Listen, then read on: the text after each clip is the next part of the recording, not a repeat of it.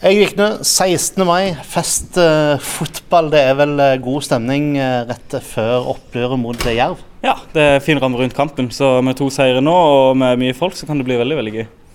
Du, Hvordan ser du på det å møte tvillingbroren din igjen?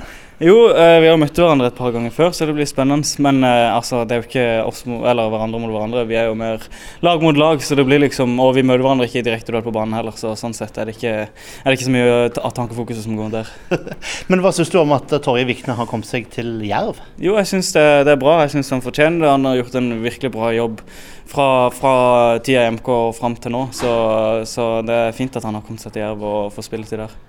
Du, Det er jo litt spesielt å møte Jerv sånn sett, da, nå er en jo i samme divisjon, og det Mm. skjedde sist i 20, 2017. Ja. Eh, så vidt jeg har sett, så er det vel bare du, eh, Segberg og Adnan Hastic som er igjen av A-troppen som spilte den kampen der. Ja, det er vel Henrik Ropstad som er der.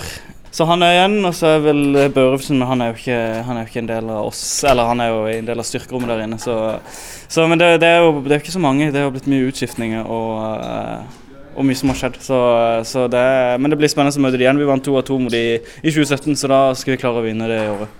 Ja, Hvordan skal en klare å få, å få, få de tre poengene til å bli igjen her på, på Sør-Arena Eh, 17. mai? Fortsette samme trøkk som vi har gjort de siste kampene, det syns jeg har vært veldig bra. Vi jobber og sliter for hverandre, og så får vi de, de målene jeg syns vi fortjener. Og så må vi holde nullen. Det har vi gjort de siste to kampene, så jeg tror det, det er oppskriften for å, for å klare å slå Jerv. Fotballekstra før avspark.